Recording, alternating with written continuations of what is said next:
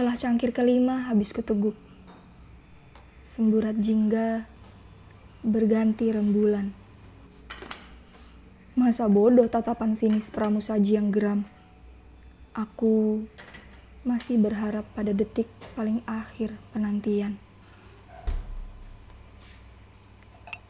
Ini cangkir keenam yang sengaja ku sesap perlahan.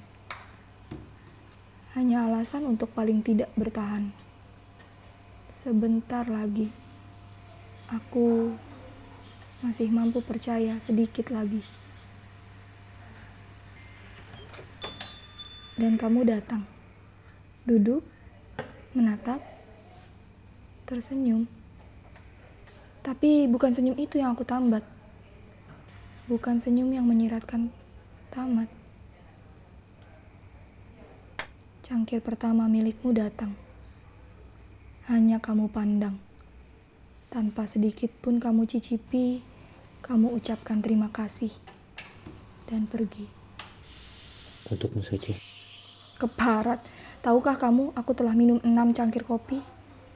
Yang sangat kusesali, karena aku akan menangis sampai pagi tanpa mengantuk sama sekali.